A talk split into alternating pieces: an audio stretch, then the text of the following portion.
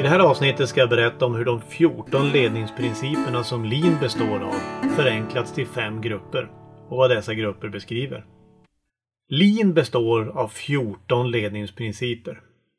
Och allt det här kommer ju ur Toyotas arbete med sitt framtagande av Toyota Production System. Och jag har nämnt de här 14 ledningsprinciperna, eller att det är 14 ledningsprinciper i de tidigare episoderna. Och i kommande episoder så kommer jag gå igenom och dyka ner i var och en av dem. I en bok som beskrev Lean, som heter Lean Thinking, kom ut 1996 av James Womack och Daniel Jones, så beskrev man de här 14 ledningsprinciperna. Men man packade ihop dem i fem grupper för att göra det enklare. Man tyckte att det var lite väl svårt att hålla reda på de 14 så därför packar man som sagt ihop dem i de här fem grupperna. Och jag tänkte gå igenom de här grupperna och tala om vad, som, vad de innehåller. Och då kommer du att se sen om du följer med till de kommande episoderna där vi går igenom respektive de 14 ledningsprinciperna. Hur det här hänger ihop och varför de då är packade i de här delarna. Den första av de fem grupperna är då att specificera värdet sett ur kundens perspektiv. Lean handlar om att leverera värde som kunderna efterfrågar. Det vill säga vi måste skapa värdet på ett effektivt sätt i våran verksamhet så att det överensstämmer med det som kunden vill ha ut. Genom att då klart definiera det här värdet på den här varan eller tjänsten eller både och så har vi då möjlighet att kunna plocka bort saker som egentligen då inte bidrar till det värde som kunden efterfrågar. Det är det vi då pratar om slöseri eller waste på engelska. Kan vi plocka bort allting som inte är värdeskapande sett ur att skapa ett värde som kunden vill ha, då har vi kommit väldigt långt. Så det är då första gruppen. Den andra gruppen pratar om att identifiera och kartlägga värdeflödet.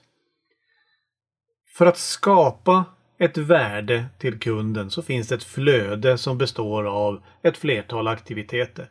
De där packas ju ihop eller förbinds i processer. Processerna är ju någonting då som repetitivt skapar det här värdet för våra kunder. Vi måste kartlägga så att vi förstår vad det är som skapar värdet. Det vill säga vilket flöde i vår verksamhet som skapar värdet. Och vi kommer då att se, om vi har, utgår från en linjeorganisatorisk organisation, att vi kommer att få flöden som går över de här olika organisatoriska gränserna. Och det är här man då pratar om att flödena går från höger eller från vänster till höger och linjen är som stuprör som går uppifrån och ner. Det är ju inte så att alla processer berör alla linjeorganisatoriska delar. Men det skär många gånger rakt igenom ett flertal av de här organisatoriska delarna. Så nummer två är ju alltså att identifiera och kartlägga de här värdeflödena. Nummer tre det är då att när vi har förstått hur flödet ser ut, hur värdet, skapandet ser ut i vår företag, vår verksamhet. Att då ta till sig det hela och så på ett kraftfullt sätt se till att vi minimerar slöseri i det här värdeflödet. Det vill säga att vi designar upp ett mer effektivt flöde. För kartläggning som jag beskriver kartläggningen så är det bara att förstå hur det ser ut här och nu idag. Medans att designa eller skapa, det är då att göra flödet mer effektivt in i framtiden. Det är då vi designar upp det på det sätt så som vi vill att det ska se ut. Det leder vidare till den fjärde gruppen. Den fjärde gruppen pratar om pull eller drag. Vi ska se till när vi designar vår verksamhet att vi har ett drag, pull, igenom vår organisation. Eller vår verksamhet, genom vårt flöde. Det vill säga det är kunden som ska dra ut ur processerna. Det är kundens efterfrågan som ska styra. Det är till skillnad då, eller kontrast mot ett tryckande system där vi trycker ut så mycket saker som möjligt ur våran verksamhet och hoppas någonstans i slutändan att det ska finnas ett behov av detta från kundernas sida. Ser vi då varutillverkande företag så ser vi skillnaden mellan massproduktionen som inledde industrialismen där vi då tryckte ut cyklar och pannor, stekpannor, kokkärl, allting därför att det fanns ett sånt stort en sån stor efterfrågan där ute. Så det var bara att trycka ut alltihopa, ut på marknaden.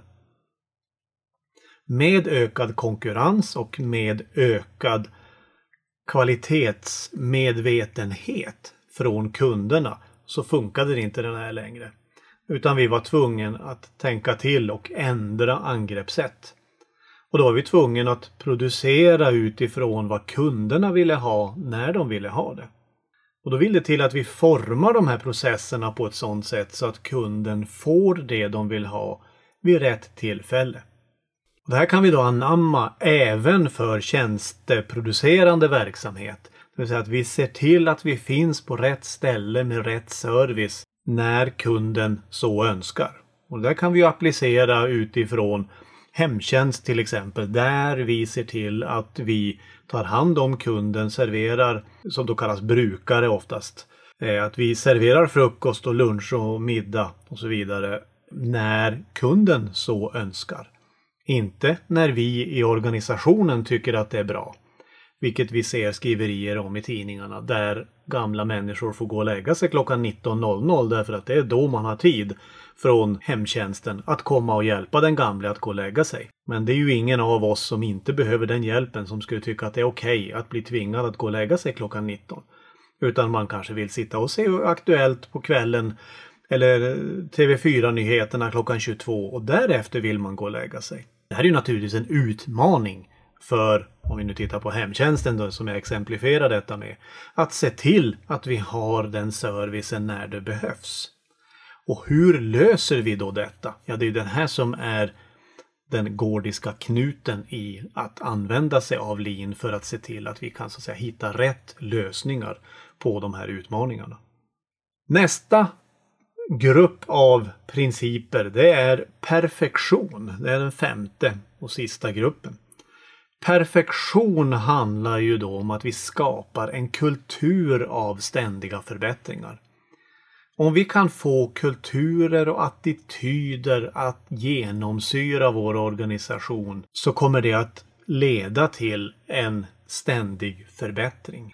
Och organisationen och vi människor ska ständigt sträva efter att då bli bättre. Och både i det lilla och i det stora och varje dag och varje vecka och så vidare så ska vi jobba med ständiga förbättringar. På japanska så pratar man ju om termen då kaizen, vilket betyder bra väg.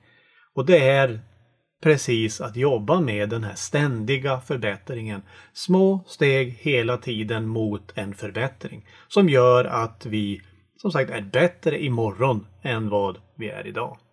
Så det var alltså de fem grupperna. De här 14 ledningsprinciperna är paketerade i de fem grupperna. 1. Specificera värdet sett ur kundens perspektiv. 2. Identifiera och kartlägg värdeflödena. 3. Skapa och designa det effektiva flödet. 4. Pull. Ha ett drag i verksamheten där kundens önskemål är styrande. Och 5. Perfektion. Jobba mot ständiga förbättringar. Så då vet du lite mer om de fem grupperna. I nästa avsnitt så kommer jag att gå igenom, titta då på grunderna i den här Toyotas modell med de 14 ledningsprinciperna. För Toyota använde någonting som man kallar för 4P-modellen där man i sin tur paketerade ihop de här 14 ledningsprinciperna. Så att jag kommer att gå igenom det. Nästa gång så lär du dig mer om hur Toyota såg på sina ursprungliga 14 ledningsprinciper. Vi hörs i nästa avsnitt. Hej!